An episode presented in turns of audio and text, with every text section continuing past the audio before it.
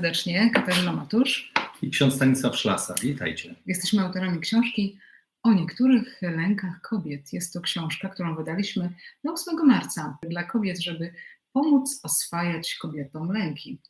A dzisiejszego wieczoru chcemy razem z Wami zatrzymać się nad tematem lęków matek i spróbować razem z Wami podjąć niektóre zagadnienia, niektóre tematy, które mogłyby pomóc y, oswajać te lęki, bardziej je uświadamiać, bardziej o nich mówić, y, po to, aby swobodniej je przeżywać, mieć je, ale żeby one nad Wami nie panowały. A naszą książkę, jeżeli chcielibyście z niej skorzystać i ją zamówić, można to zrobić w księgarni internetowej amenamen.pl. Więc zapraszamy serdecznie, a teraz już zaczynamy.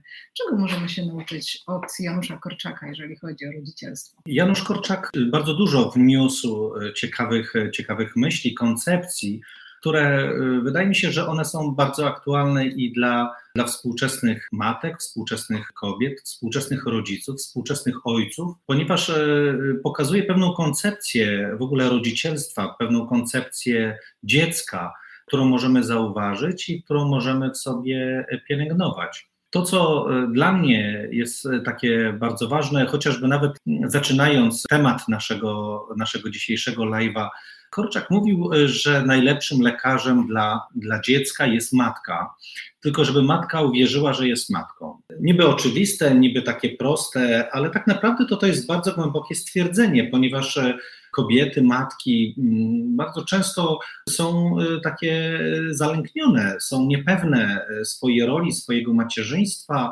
czy dobrze się zaopiekują dzieckiem, czy, czy dobrze je będą pielęgnować czy dobrze rozumieją to dziecko, czy odpowiednio nie dbają.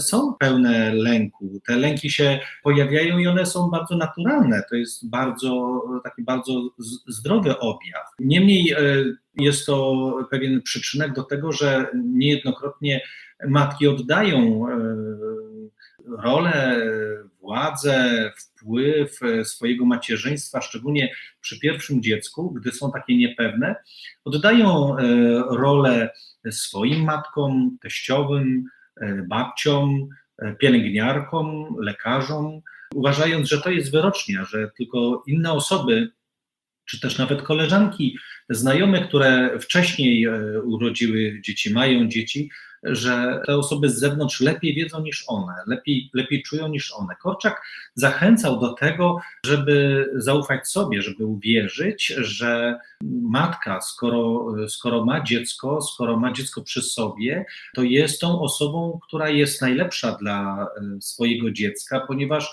dziecko nie ma innej matki, lepszej matki niż ta, którą ma. I to, co jest najważniejsze, to żeby, żeby kobieta spróbowała uczyć się języka dziecka, aby uczyła się matka słuchać tego dziecka, ale też, żeby wierzyła, zaufa, zaufała sobie, że skoro Bóg powierzył matce dziecko, skoro Bóg zaufał i wierzy, że, że ta kobieta, ta matka jest odpowiednia dla e, swojego dziecka, dla tego dziecka, no to dlaczego ona miałaby sobie nie zaufać?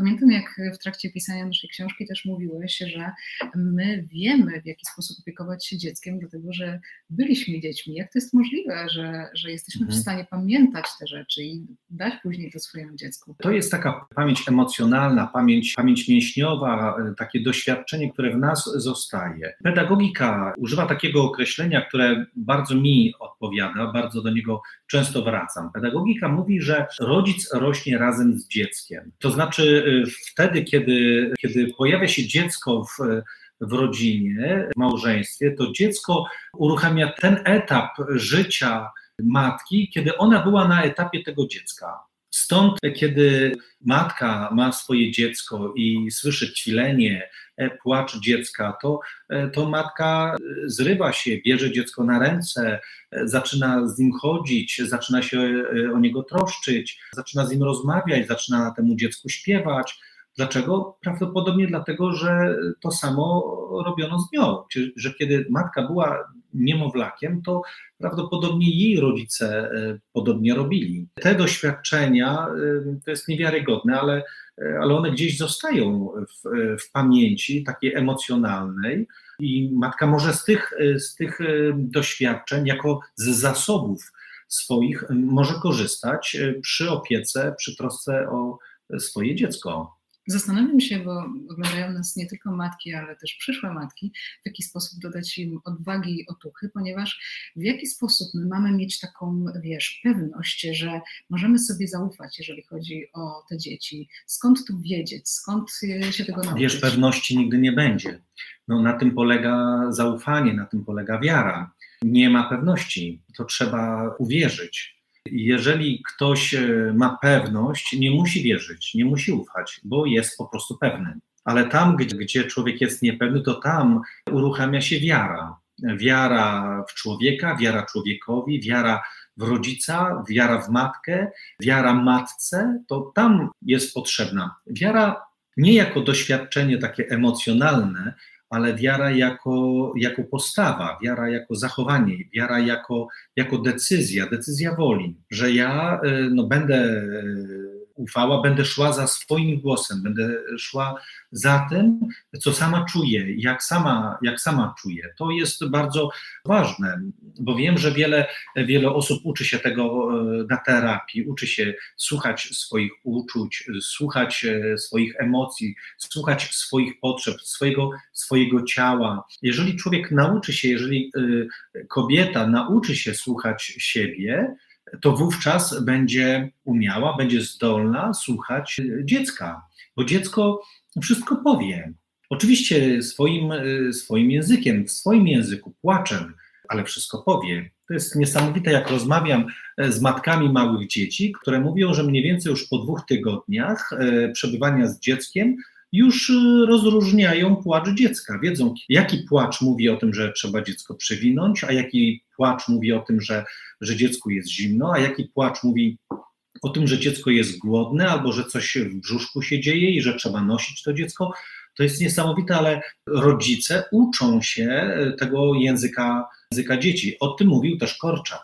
Korczak mówił, żeby wsłuchiwać się w dzieci i że nie tylko jest tak, że my uczymy dzieci, ale że dzieci też uczą nas i my dorośli, rodzice i matki i wy przyszłe matki, dajcie sobie prawo do tego, żeby uczyć się języka dzieci, aby wsłuchiwać się w dzieci, ale zanim to będzie, to ważne jest, żebyście najpierw nauczyły się wsłuchiwać w siebie, słuchać siebie i nie zdradzać siebie, że jeżeli czujesz coś w uczuciach, to odczytuj te uczucia. Jeżeli, jeżeli masz jakieś potrzeby, zarządzaj tymi potrzebami, zarządzaj e, światem swoich potrzeb, wtedy będziesz e, mogła słuchać, nazywać uczucia dzieci, dziecka, będziesz e, potrafiła nazywać potrzeby dziecka, odczytywać te potrzeby i będziesz umiała nimi zarządzać. Interesuje mnie jeszcze ten wątek, o którym mówiłeś, czyli oddawanie tej władzy rodzicielskiej, mhm. czyli oddawanie jej czasami czy lekarzom, czy dziadkom, czy, czy kobietom, które już mają dzieci.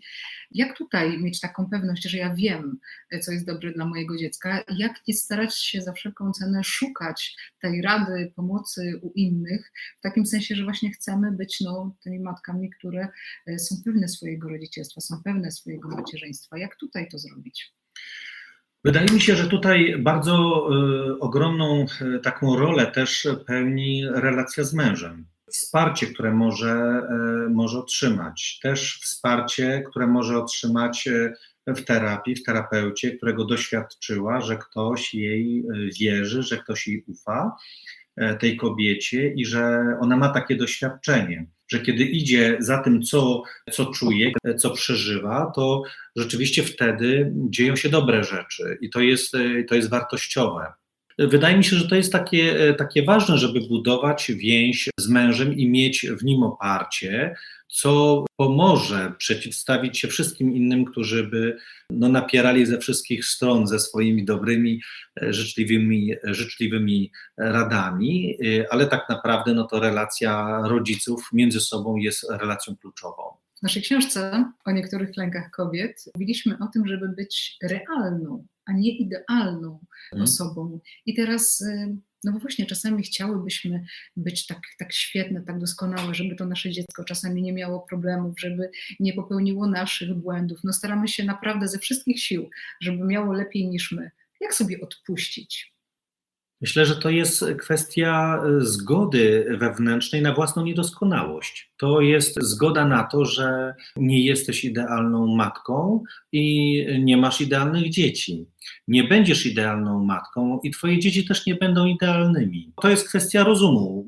Zdecydować, pozwolić sobie na to i, i wiedzieć, że to jest w porządku, że to jest tak jest i że to jest prawda o, e, o życiu, o naszych rolach nie musisz być idealna, bo wtedy jesteś niedościgniona, wtedy jesteś e, bezbłędna, e, wtedy nie ma w tobie skazy. Z jednej strony jest to, jest to nieprawda, bo sama to wiesz, że taka nie jesteś, bo znajdziesz w sobie dużo, dużo skaz i dużo niedoskonałości, a z drugiej strony, jeżeli będziesz starała się być idealna, to pokażesz nieprawdziwy obraz dziecku dziecko być może e, zacznie wierzyć w pewnym momencie, że ty jesteś taka idealna, więc dziecko będzie miało świadomość tego, że ono jest nieidealne, nigdy, nigdy ciebie nie dogoni. Dziecko będzie ciągle sfrustrowane, dziecko będzie ciągle wybrakowane, dziecko będzie o sobie myślało, że ciągle jest gorsze, że, że, że, ciągle, że ciągle jest nie takie i będzie miało samo dla siebie takie nierealistyczne wymagania i oczekiwania. Dziecko będzie stawiało sobie takie poprzeczki, które nigdy nie, nie, nie przeskoczy, nigdy nie osiągnie tych, tych celów, co spowoduje, że że dziecko będzie, będzie znerwicowane, zalęknione, będzie miało depresję, będzie miało niskie poczucie wartości, nie będzie wierzyło w siebie, nie będzie podejmowało żadnych e, wyzwań, nie będzie się starało, nie będzie próbowało przełamywać, nie będzie szukało nowych rozwiązań, ponieważ to i tak nie ma sensu, bo, bo i tak nie da rady. W książce naszej mówiliśmy o tym, że czasami pójście dziecka do psychologa wcale nie jest porażką wychowawczą, a może być wręcz sukcesem. Jak to zmienić w głowie? Bo jak sobie myślę, wiele matek, które teraz nas oglądają, myślą sobie, ale jak to? Jeżeli dziecko będzie chciało skorzystać z pomocy psychologa, to naprawdę to nie jest moja osobista porażka? Oczywiście, że nie. Jest to swego rodzaju sukces, bo on mówi o czym? Kiedy dziecko idzie do, do psychologa, to znaczy, że potrzebuje jakiegoś głosu z zewnątrz, potrzebuje z kimś omówić pewien problem, pewną sytuację, pewne zdarzenie, może potrzebuje jakiegoś spojrzenia z zewnątrz na siebie, na swoje myślenie, może potrzebuje coś skorygować, a może coś dodać. O czym to świadczy? Świadczy to o tym, że takie dziecko doskonale wie, co ojciec, co matka myślą, co powiedzą. Ma ten, ten głos ojca, matki uwewnętrzniony.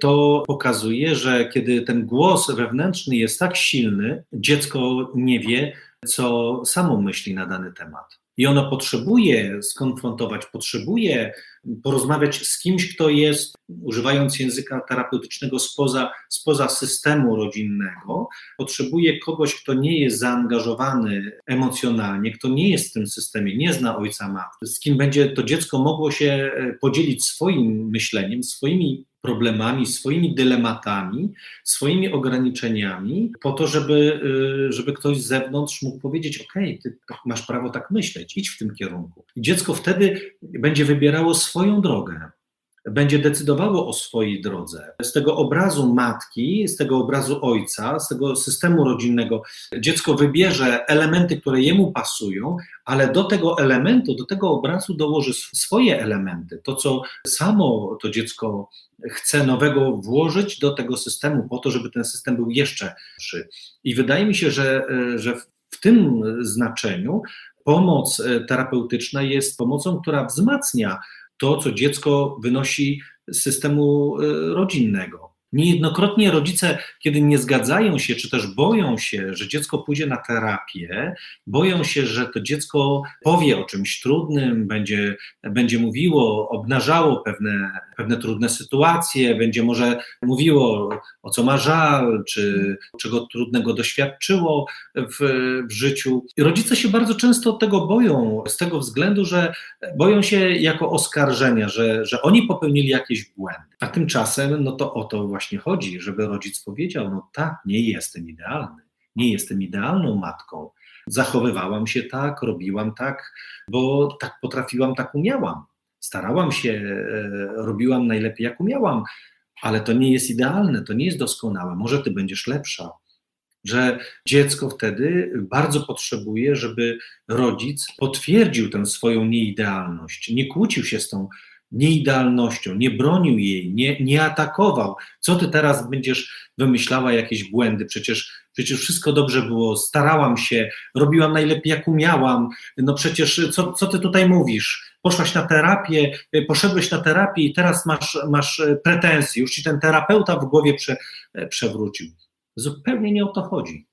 Dziecko potrzebuje akceptacji, przyjęcia swojej historii, też swojego punktu widzenia, że to dziecko też krytycznie patrzy na niektóre rzeczy, krytycznie widzi niektóre zachowania, nie, krytycznie patrzy na niektóre działania rodziców. To świadczy, że dziecko jest odrębne, że ma odrębne myślenie. To jest fantastyczne, bo to jest klucz do tego, żeby dziecko mogło pójść w świat i żeby mogło stworzyć swój system rodzinny jeszcze lepszy niż ten, z którego wyszedł. Jak podzielę się jeszcze taką historią, że właśnie a propos terapii, że pamiętam jak na swojej terapii pisałam listy do rodziców i pamiętam, że to było bardzo trudne napisać to, a później im przeczytać. Ale pamiętam też, że niesamowicie pięknym doświadczeniem było bycie w takiej prawdziwej relacji z rodzicami, gdzie wyjaśniliśmy sobie wszystko, co było trudne, wszystko, co wymagało wyjaśnienia.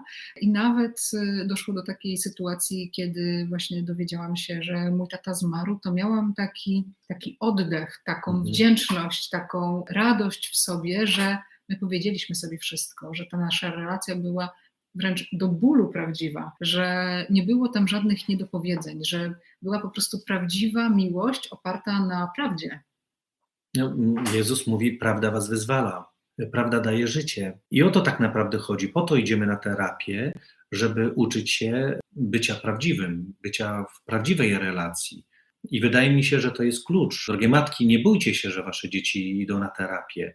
Nie, nie bójcie się tego, nie odbierajcie tego jako zagrożenie dla siebie. I wy, kobiety, które może kiedyś będziecie matkami, będziecie miały kiedyś dzieci, już teraz y, myślcie o tym, dajcie sobie prawo, żeby wasze dziecko kiedyś poszło na terapię. A te spośród Was, które jesteście na terapii, to nie myślcie, że jak Wy jesteście na terapii, to to po to jesteście na terapii, żeby Wasze dzieci kiedyś nie były na terapii. To zupełnie nie o to chodzi. Wasza terapia ma Wam posłużyć, abyście Wy uczyły się być w prawdziwej relacji. Jak Wy nauczycie się być w prawdziwej relacji, będziecie budować prawdziwą relację z dzieckiem, to kiedy wasze dziecko pójdzie na terapię, też będziecie prawdziwe i będziecie w prawdziwości umiały przyjąć dziecko, że dziecko też prawdziwie do Was mówi. Będziecie umiały to docenić, będziecie umiały się tym ucieszyć, będziecie umiały też w tym być, nie będziecie się bały tej prawdziwości. A prawda, jak Kasiu mówisz, y, no życie w prawdzie jest bolesne, to jest do bólu.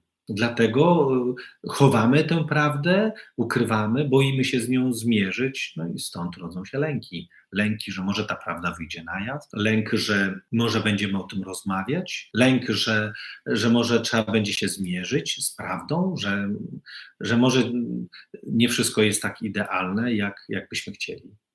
Ale nie musi być. Idealne? No. Nie jest.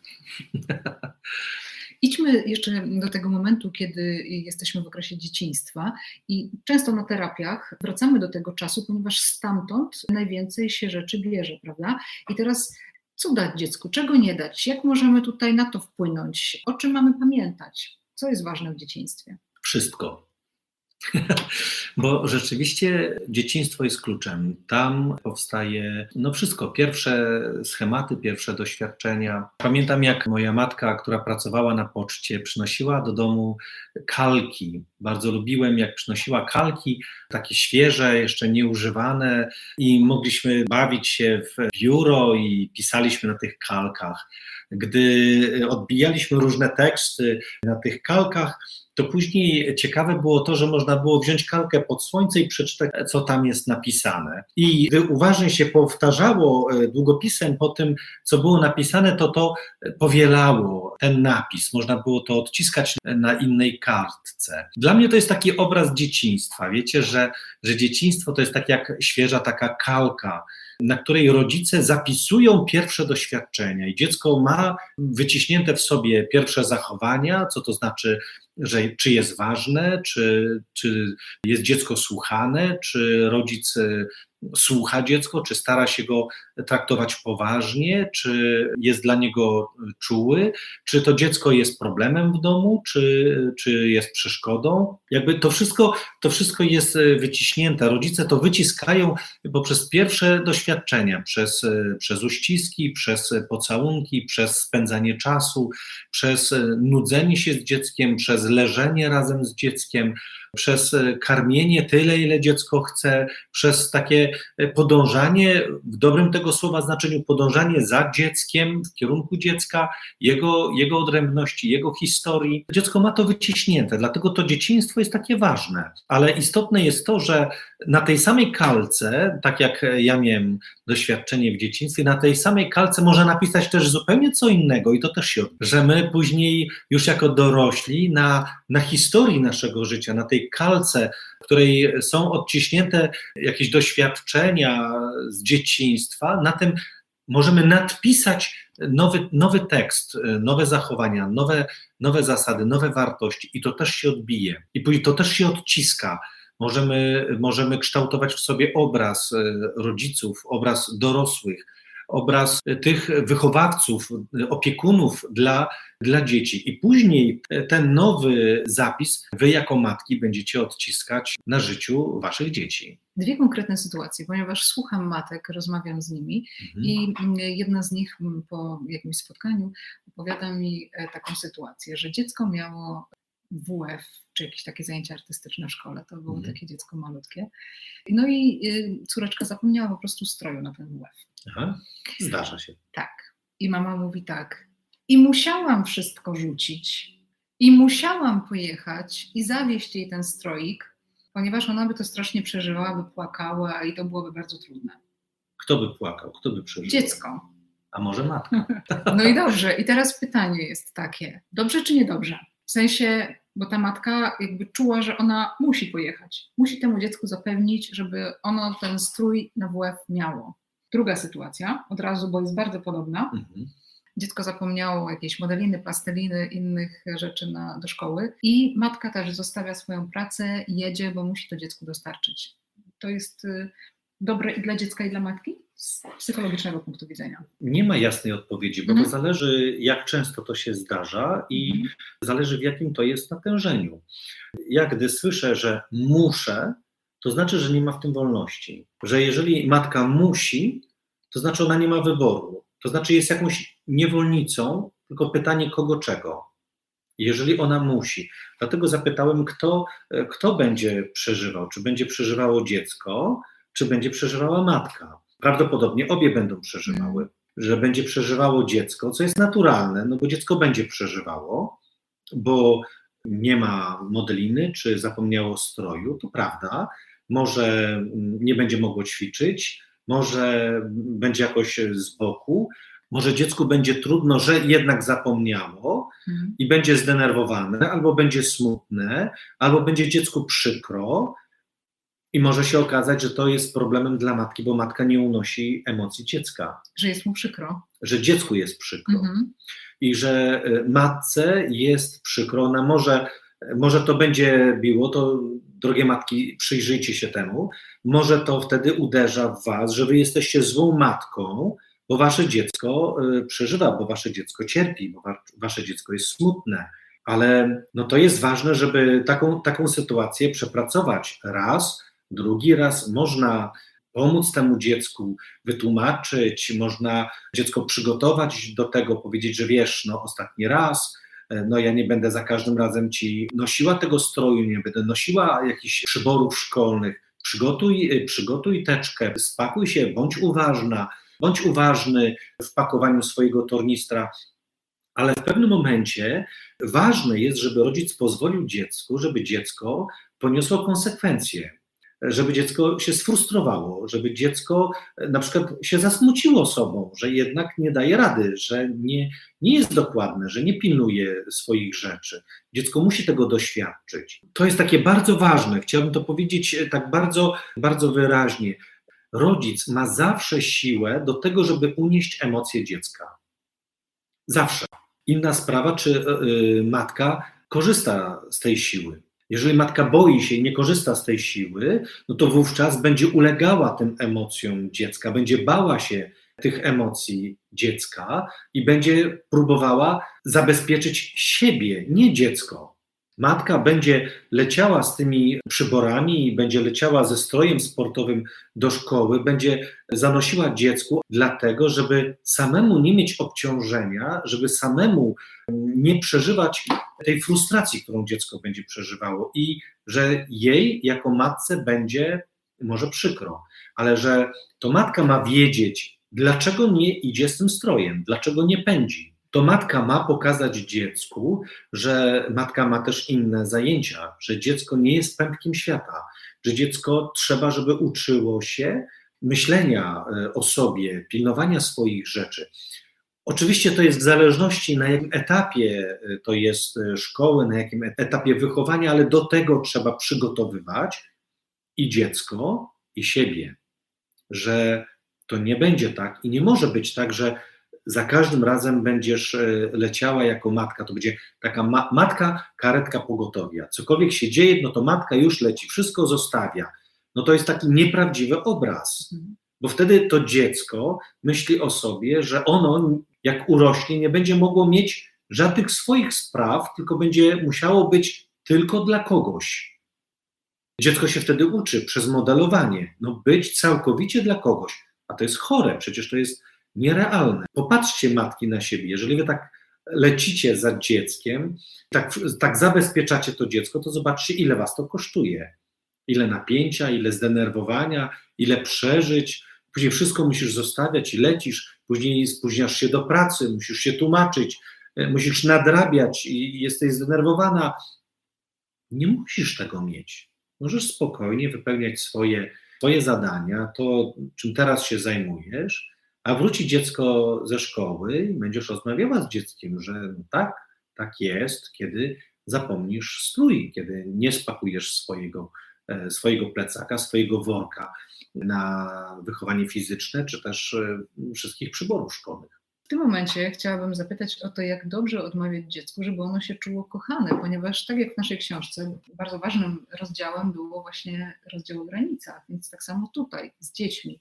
Jak jest z tymi granicami? W jaki sposób mogę odmówić dziecku? Czy to już kolejnej zabawki, czy jakiejś rzeczy, która jest dla niego ważna, czy jakiegoś wyjścia, mhm. żeby ono nadal czuło się kochane? Dwie, dwie różne rzeczy. Wydaje mi się, że to, co wcześniej powiedzieliśmy, jedna rzecz to jest że to musi być prawdziwe. I dziecko to wyczuje po prostu, czy to jest autentyczne, czy to jest prawdziwe, czy to jest też po prostu udawane, czy to jest e, takie naciągane. Dziecko wyczuje w tembrie głosu, postawie, w spojrzeniu, ale też je w przytuleniu, że na przykład idziesz i nie kupisz zabawki, bo po prostu teraz nie masz pieniędzy, albo nie kupisz zabawki, ponieważ no, masz już dużo zabawek i no, nie polega e, życie na tym, że za każdym razem, jak będziesz wychodziła z dzieckiem do sklepu, to musisz dziecku coś kupić. I dziecko mm, może będzie smutne, może będzie płakało, może, e, może będzie histeryzowało, e, może będzie tupało. Będzie histeria, ja chcę, ja muszę, tak, daj mi. Tak. No wtedy to jest takie ważne, żeby, żeby nie bać się tych emocji, żeby je unieść. To chodzi o to, żeby na przykład powiedzieć szczerze, schylić się do tego, do poziomu tego dziecka, nie, nie mówić z pozycji wyprostowanej, dorosłej, większej osoby, która ma władzę, ale schylić się na, na wysokość tego dziecka i po prostu do niego przemówić szczerze, tak jak jest. Słuchaj, kochanie, nie kupię ci kolejnej e, zabawki, bo tych zabawek już masz bardzo dużo. Nie chcę, żeby twój pokój tonął w zabawkach. Nie możemy e, tylko kupować za każdym razem zabawki. Inaczej po prostu e, ten, e, ten czas możemy przeznaczyć. Trzeba wziąć to dziecko, przytulić. Dziecko e, poczuje, że jest, że jest ważne, ono jest przytulone, mimo że nie dostanie tej zabawki, którą na przykład bardzo chce i będzie to może dziecko interpretowało, odbierało jako coś złego, jako że może nie jest kochane, ale dziecko poczuje, że ono jest ważne jednak. Jest ważne nie przez to, że dostaje wszystkie zabawki, wszystko to, co chce Jasper Joule. Polecam Wam pozycję Jaspera Jula, który jest duńskim pedagogiem, on ma taką koncepcję prawdziwego języka, rozmowy z dzieckiem w takim autentyczny sposób. Być wobec dziecka autentycznym. Jeżeli będziecie autentyczni, że dziecko kochacie, bo, bo czasami kochać dziecku to nie dać. I to jest czasami, czasami takie bardzo ważne. Żebyście wiedziały, że kiedy mówicie dziecku nie, to musi być bardzo czytelne, jasne i klarowne. To nie może być takie udawane. Wiecie, bo, bo krzywda powstaje wtedy, kiedy dziecko e, musi się domyślać, albo dziecko czuje, że to jest, e, że to jest nieprawdziwe, że będziecie mówiły e, dziecku w sklepie, nie mam pieniędzy. No to dziecko powie, no ale masz kartę do bankomatu, nie musisz mieć pieniędzy. No teraz, wiecie, no, sami jak macie dzieci, to, to wiecie, że dziecka nie oszukacie. Dzieci są mądrzejsze niż, niż wy, kiedy, kiedy byłyście na etapie tego dziecka, waszego dziecka. Dzieci od razu was wypunktują, ale dzieci muszą wiedzieć, że wy mówicie stanowczo, mówicie zdecydowanie i że jesteście przekonane do tego, co mówicie. Macie prawo odmawiać dziecku. Naprawdę. Korczak też o tym, też o, o tym mówił, żeby, żeby szanować dziecko i nie dawać dziecku wszystkiego, co dziecko chce. Bo to nie jest tak, że dziecko potrzebuje. Czasami dziecko sprawdza. Czasami dziecko mówi, jak, jak dużo chce, ale w tym dziecko potrzebuje naszych granic. To my mamy postawić dziecku granice. Korczak też o tym e, pięknie mówił, ale zobaczcie, ADHD. To u podstaw ADHD jest brak granic. To jest brak jasnych zasad, brak konsekwencji, które rodzice będą stawiali dziecku mówiąc językiem Korczaka, woła o wiele rzeczy, ale tak naprawdę, naprawdę sprawdza, czy rodzic ma granice, czy rodzic potrafi powiedzieć nie i ma swoje zasady i potrafi to wypowiedzieć. Ja kiedyś e, przed laty mm, na mszy dla dzieci zrobiłem taki eksperyment, że przygotowałem worek i z taką naklejką wszystko. I w tym worku były różne rzeczy. W tym worku był jeden but narciarski, piłka, butelka coli, tam była paczka chipsów, fragment maszynki do mielenia mięsa, jakaś cegłówka. Wiecie, tak, taką mieszankę zrobiłem tak, żeby wypełnić cały worek. I tam było wszystko. I na mszy świętej zapyta, zapytałem dzieci, kto chce wszystko? No i las rąk się podniósł. Ja mówię, proszę, no to weź to wszystko. Okazało się, że dzieci nie były w stanie tego unieść. Dzieci nie były w stanie unieść wszystkiego. Więc mówię, zaproponowałem dzieciom, że chodźcie, przejrzymy, co w tym worku jest. Otworzyliśmy worek, zacząłem wyjmować, było dużo śmiechu, szczególnie jak wyjąłem jeden but narciarski albo fragment maszynki do, do mielenia mięsa, cegłówkę, po co cegłówka nagle, nie? Ale był zachwyt, jak była Coca-Cola, jak były chipsy, więc e, wyłożyłem to wszystko, co było w worku, i później spakowałem do tego worka to, co dzieci chciały, żeby spakować. Oczywiście tam były chipsy, tam była Coca-Cola, tam była jakaś książka, piłka. Okazało się, że, że to, co dzieci spakowały do tego, do tego worka, było tym, co dzieci były w stanie unieść. Ale mówię do dzieci, no ale teraz musimy zdjąć naklejkę wszystko, bo tam nie jest wszystko. Tam jest no, część tych rzeczy, które przygotowałem. I to mi też tak bardzo pokazało, że dzieci wszystkiego nie unoszą. Nie dajcie dzieciom wszystkiego, nie spełniajcie wszystkich pragnień dzieci, nie, nie biegnijcie za wszystkimi zachciankami dzieci, bo dzieci tego nie unoszą. Dzieci potrzebują, żeby im postawić granice, powiedzieć nie, bo dzieci po prostu tego nie unoszą. To, że one chcą, nie znaczy, że to jest im potrzebne, że nie znaczy, że dzieci tego potrzebują. Mamy też pytanie od Jadzi. Jak dobrze reagować, kiedy pojawia się histeria u dziecka? Co ona ma zrobić?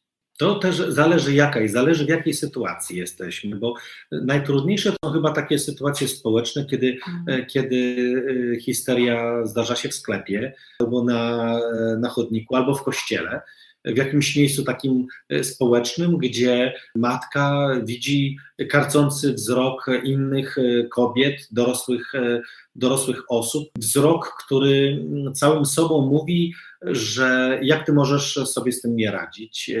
Co to za matka, że ona nie potrafi sobie poradzić z jednym dzieckiem? Ja to miałam trójkę i sobie poradziłam, a, ty, a taka z jednym nie potrafi sobie poradzić. Wiecie, to jest taki przekaz, który matki odczytują, kobiety odczytują w oczach innych kobiet. Wystarczy. Wystarczy, nie? Po pierwsze, to zależy, jaka to jest, jaka to jest sytuacja, ale histerię, histerię trzeba opanować. Czasami można wziąć dziecko, po prostu przemówić do tego dziecka, przytulić i być konsekwentny. Czasami wziąć dziecko na rękę, czasami wziąć dziecko za rękę i pójść. A czasami trzeba po prostu wziąć dziecko i wynieść pokazać, że nie boisz się tej histerii, pokazać, że ty to uniesiesz, że masz na tyle siłę i nie będziesz agresywna, nie będziesz krzyczała na to dziecko, nie będziesz wrzeszczała, ale że, że po prostu to dziecko i te jego histerie, jego emocje ty uniesiesz. Pamiętam tak, taką sytuację na warsztatach dla rodziców. Kiedyś jeden z ojców opowiadał, jak, jak ćwiczył dzieckiem, to żeby, y, żeby być względem dziecka konsekwentnym i nie reagować, nie reagować emocjonalnie, ale konsekwentnie na przykład y, wychodzić z dzieckiem punktualnie z domu. Dziecko jadło śniadanie i histeryzowało, że nie będzie, że nie będzie jadło y, śniadania, że, że, że długo jadło, Ojciec e, dziecku tłumaczył, że za chwilę wychodzimy, już za 10 minut wychodzimy, no jedz, bo musisz się ubrać, bo jak się nie ubierzesz, no to pójdziesz w piżamie do przedszkola. Dziecko jak to usłyszało, to, to no, takie było zaciekawione, tak się uśmiechało, że nie, nie wierzyło, że, że ojciec jest w stanie to zrobić. No ale e, ponieważ ojciec był na warsztatach, więc to wszystko ćwiczył, miał to przećwiczyć, w związku z tym no, dziecko nie zjadło, e, więc nie, nie, nie ubrało się, nie przebrało się, więc ojciec konsekwentnie, tak jak ćwiczył na warsztatach, wszystko spakował do torby, ubranie tego dziecka i, i jedzenie. E, no i tutaj wychodzi z domu, jedziemy windą do garażu, dziecko w piżamie i, i w ciapach. Dziecko zachwycone sprawdza, czy rzeczywiście ojciec ojciec to zrobi.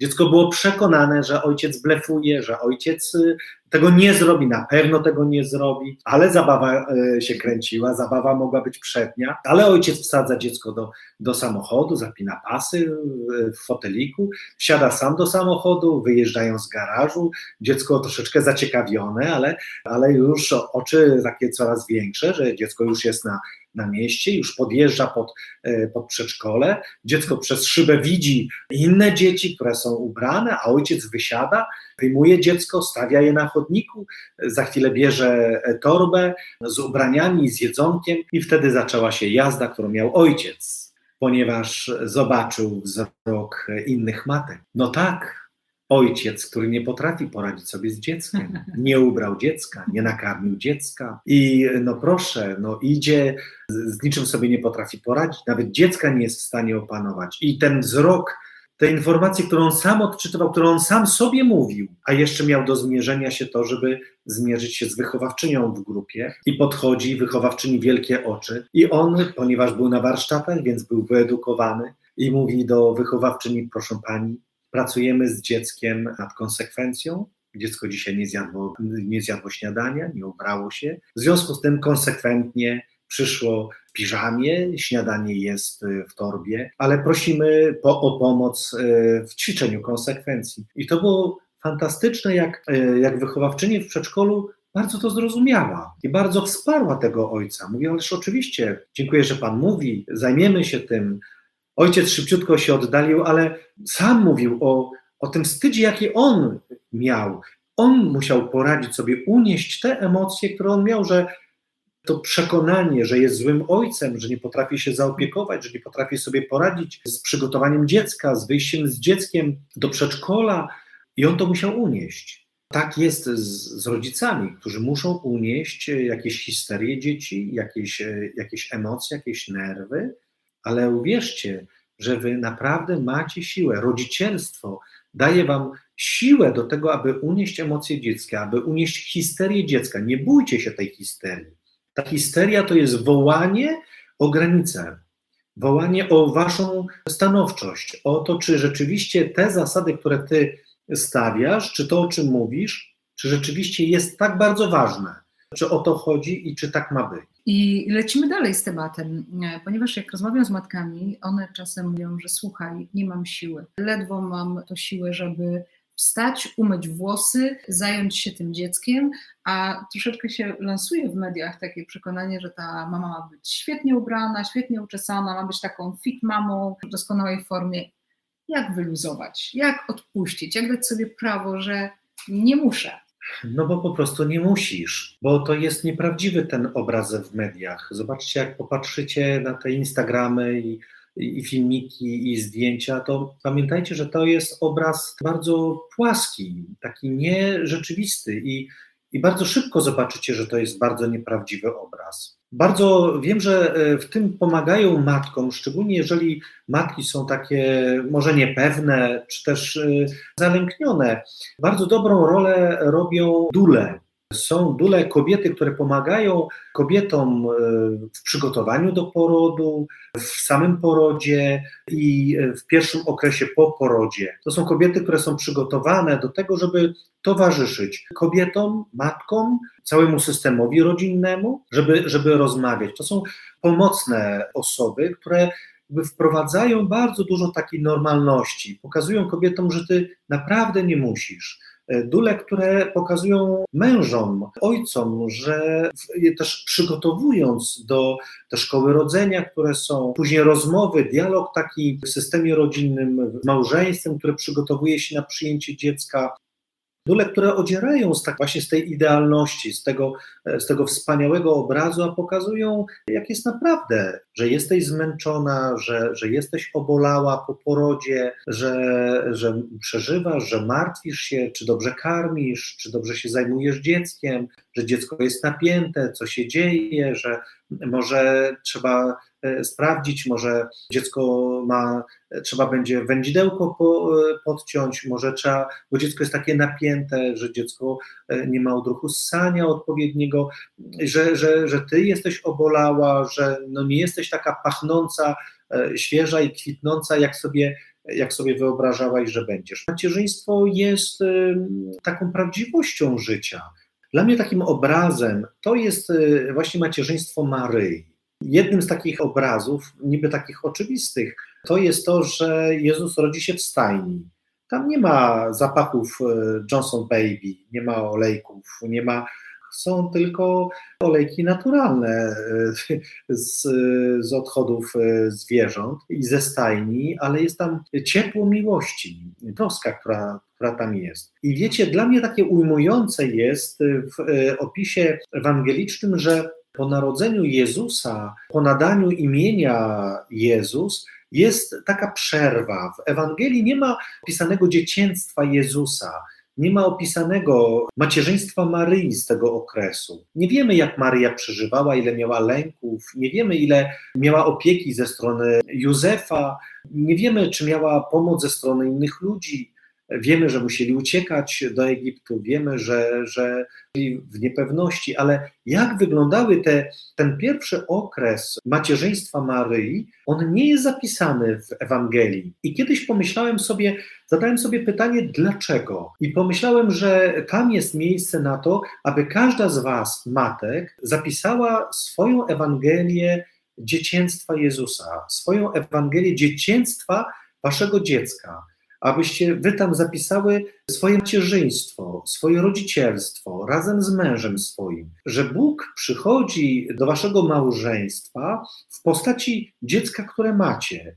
I nie ma jasnej instrukcji, nie ma, nie ma opisane, jak to, jak to powinno być, ale że tak jak jest, tak jak wy to tworzycie, to to jest e, ta Ewangelia dzieciństwa, że Bóg przychodzi do was w postaci dziecka. Przyjmijcie to dziecko, pochylcie się z całą swoją miłością rodzicielską, z całą waszą miłością Twoją matczyną, czy z miłością y, ojcowską nad waszym dzieckiem. Przyjmijcie je i uwierzcie, że, że to, co y, najważniejsze dla dziecka, to jest wasza miłość, wasza otwartość, wasze przyjęcie dla dziecka, wsłuchiwanie się w dziecko. Dziecku możecie dać tylko to, co sami macie. Możecie dać swoją miłość, możecie dać to, co sami przeżywacie, co dla Was jest ważne. Jeszcze mamy tutaj głos od mamy. Właśnie to jest najgorsze, jak ludzie zaczynają komentować albo wzrokiem policzkują. No tak, ale wiecie, to jest takie bardzo trudne. Powiem coś może takiego niecenzuralnego. że jeżeli coś się w głowie nie mieści, jak e, takie matki, które kobiety, które kiedyś były same matkami, które może same wychowywały dzieci, może mierzyły się z tym, jeżeli w głowie się nie mieści, że nie ma od innych osób wsparcia, jakiegoś zrozumienia, jakiejś takiej przestrzeni, jeżeli coś się w głowie nie mieści, to trzeba mieć w dupie. Ważne jest, żeby, żebyś ty była matką, żebyś ty y, była przy tym dziecku. Oczywiście nie każda sytuacja jest sytuacją, w której ty masz mieć wszystko w dupie, bo czasami trzeba naprawdę zareagować. Widziałem taką sytuację niedawno, jak dziecko w kościele w czasie mszy świętej, mm, gdzie było bardzo dużo dorosłych, to nie była msza święta z udziałem dzieci, weszło dziecko, może dwuletnie, może trzyletnie, z kijem do kościoła i szło, i dziecko uderzało tym kijem po krzesłach, po ławkach i szło tak przez ten kościół, a za tym dzieckiem szła matka, niosąc rowerek tego dziecka i nie zwróciła uwagi, nie, w ogóle nie reagowała, tak jakby to dziecko nie miało żadnych granic, żadnych zasad. Nie dziwię się, że, że inni ludzie byli jakoś e, poirytowani, czy też byli zdenerwowani całą sytuacją, aż aż e, naprawdę sam byłem zdziwiony, że nikt nie zareagował, że nikt nie podszedł do tej matki i nie powiedział, nie zwrócił uwagi. Jakiś czas temu odprawiałem mszę świętą i dziecko też bardzo przeszkadzało nam przy świętej wieczornej. No naprawdę, mogę powiedzieć, że przeszkadzało, że to nie było tak, że dziecko po prostu sobie, sobie było, ale przeszkadzało wszystkim, mi również. I czekałem, aż ktoś zareaguje w kościele. I to było niesamowite, jak widziałem właśnie taką irytację w ludziach, jak jedni po drugich patrzyli, jak komentowali, ale nikt nie zareagował. To było niesamowite. I ja wtedy, e, wtedy powiedziałem nam przy świętej, przerywając e, homilię, powiedziałem, że widzę, że jesteście Państwo zdenerwowani, ale mówię, widzę też, że nikt nie reaguje. Chcę powiedzieć, że ja to wytrzymam. To było niesamowite, że ktoś potrzebował jakby takiej odwagi, żeby zareagować. Matka potrzebowała wtedy jakiegoś impulsu, żeby zareagować, bo czasami trzeba zareagować. Nie można pozwolić dziecku robić wszystkiego, co się chce. Ale rzeczywiście jest tak, że czasami wzrok innych osób trzeba wytrzymać, trzeba go unieść. Nie, nie, nie można się jemu, no te osoby, te matki, które przychodzą do kościoła z dziećmi, też przychodzą, żeby pomodlić się, też przychodzą, żeby posłuchać Ewangelii, też chcą uczestniczyć na tyle, na ile będą w stanie, na ile, na ile mogą uczestniczyć w Eucharystii, to też chcą być. No to jest też takie ważne, żeby to też uszanować, żeby też wesprzeć te, te matki. Ja u siebie w parafii e, widziałem niedawno, jak jedna matka opiekowała się dziećmi drugiej matki, żeby ta mogła pójść do spowiedzi, żeby, żeby mogła pójść do, do komunii. Wiecie, to jest, to jest bardzo ważne. Popatrzmy też, że to nie jest tak, że że dzieci tylko przychodzą do kościoła po to, żeby przeszkadzać, czy dzieci są problemem. Dzieci nie są problemem. Dzieci nie będą rozważań różańcowych prowadzić, jeżeli są małymi dziećmi. Nie będą rozważań drogi krzyżowej prowadzić. Dzieci będą przeżywać po swojemu. Będą przeszkadzać nam, dorosłym, skupieniu ale to jest ważne, żeby z jednej strony uczyć dzieci skupienia, uczyć dziecka, żeby dziecko stało przy rodzicu, uczyć, żeby dziecko od rodzica uczyło się na przykład uczestniczenia we mszy świętej, ale nie wymagajmy, że dziecko będzie siedziało na miejscu przez 40 minut, będzie dziecko cicho, tylko dziecko będzie się nudziło, dziecko będzie kopało, dziecko będzie miało swoją jakąś zabawkę, no dziecko będzie przeżywało po swojemu. E, wiadomość też od Marysi. Kiedy sama byłam młodą matką, presja bycia perfekcyjną była duża. Nie zawsze miałam odwagę, aby powiedzieć nie mam siły, czy nawet nie mam ochoty. Nie umiałam stawiać granic. Teraz jestem młodą babcią i to, o czym dzisiaj rozmawiacie, jest dla mnie bezcenne w pomaganiu w wychowywaniu wnuków. A co najważniejsze, pozwoli tym młodym matkom być matkami i pozwolić im na robienie błędów, służyć poradą tylko wtedy, kiedy nas o nią proszą. Dziękuję za to wszystko, bo dzisiaj zrozumiałam o stawianiu granicy wnukom, których bardzo kocham. Pozdrawiam serdecznie. Państwa zapraszamy, zapraszamy do naszej książki o niektórych lękach kobiet. Zanim pójdziesz na terapię, można ją kupić w księgarni internetowej amenamen.pl, a już niedługo kolejny zapowiemy. Chcemy w tym live powiedzieć Wam i zaprosić, już czekajcie, we wrześniu ukaże się druga część naszej, naszej książki o niektórych lękach mężczyzn. Będziemy też oswajać lęki mężczyzn, pomagać, żeby mężczyźni bardziej przyjrzeli się swoim lękom, czy zaczęli o nich mówić, ale również kobietom, żeby może bardziej spróbowały rozumieć, zobaczyć, że mężczyźni też mają lęki, tylko może zupełnie inaczej o nich mówią, inaczej je pokazują, inaczej reagują. Także zapraszamy, to już we wrześniu, a teraz księgarnia internetowa Amen Amen o niektórych lękach kobiet. I tam też znajdą Państwo następną książkę o niektórych lękach mężczyzn.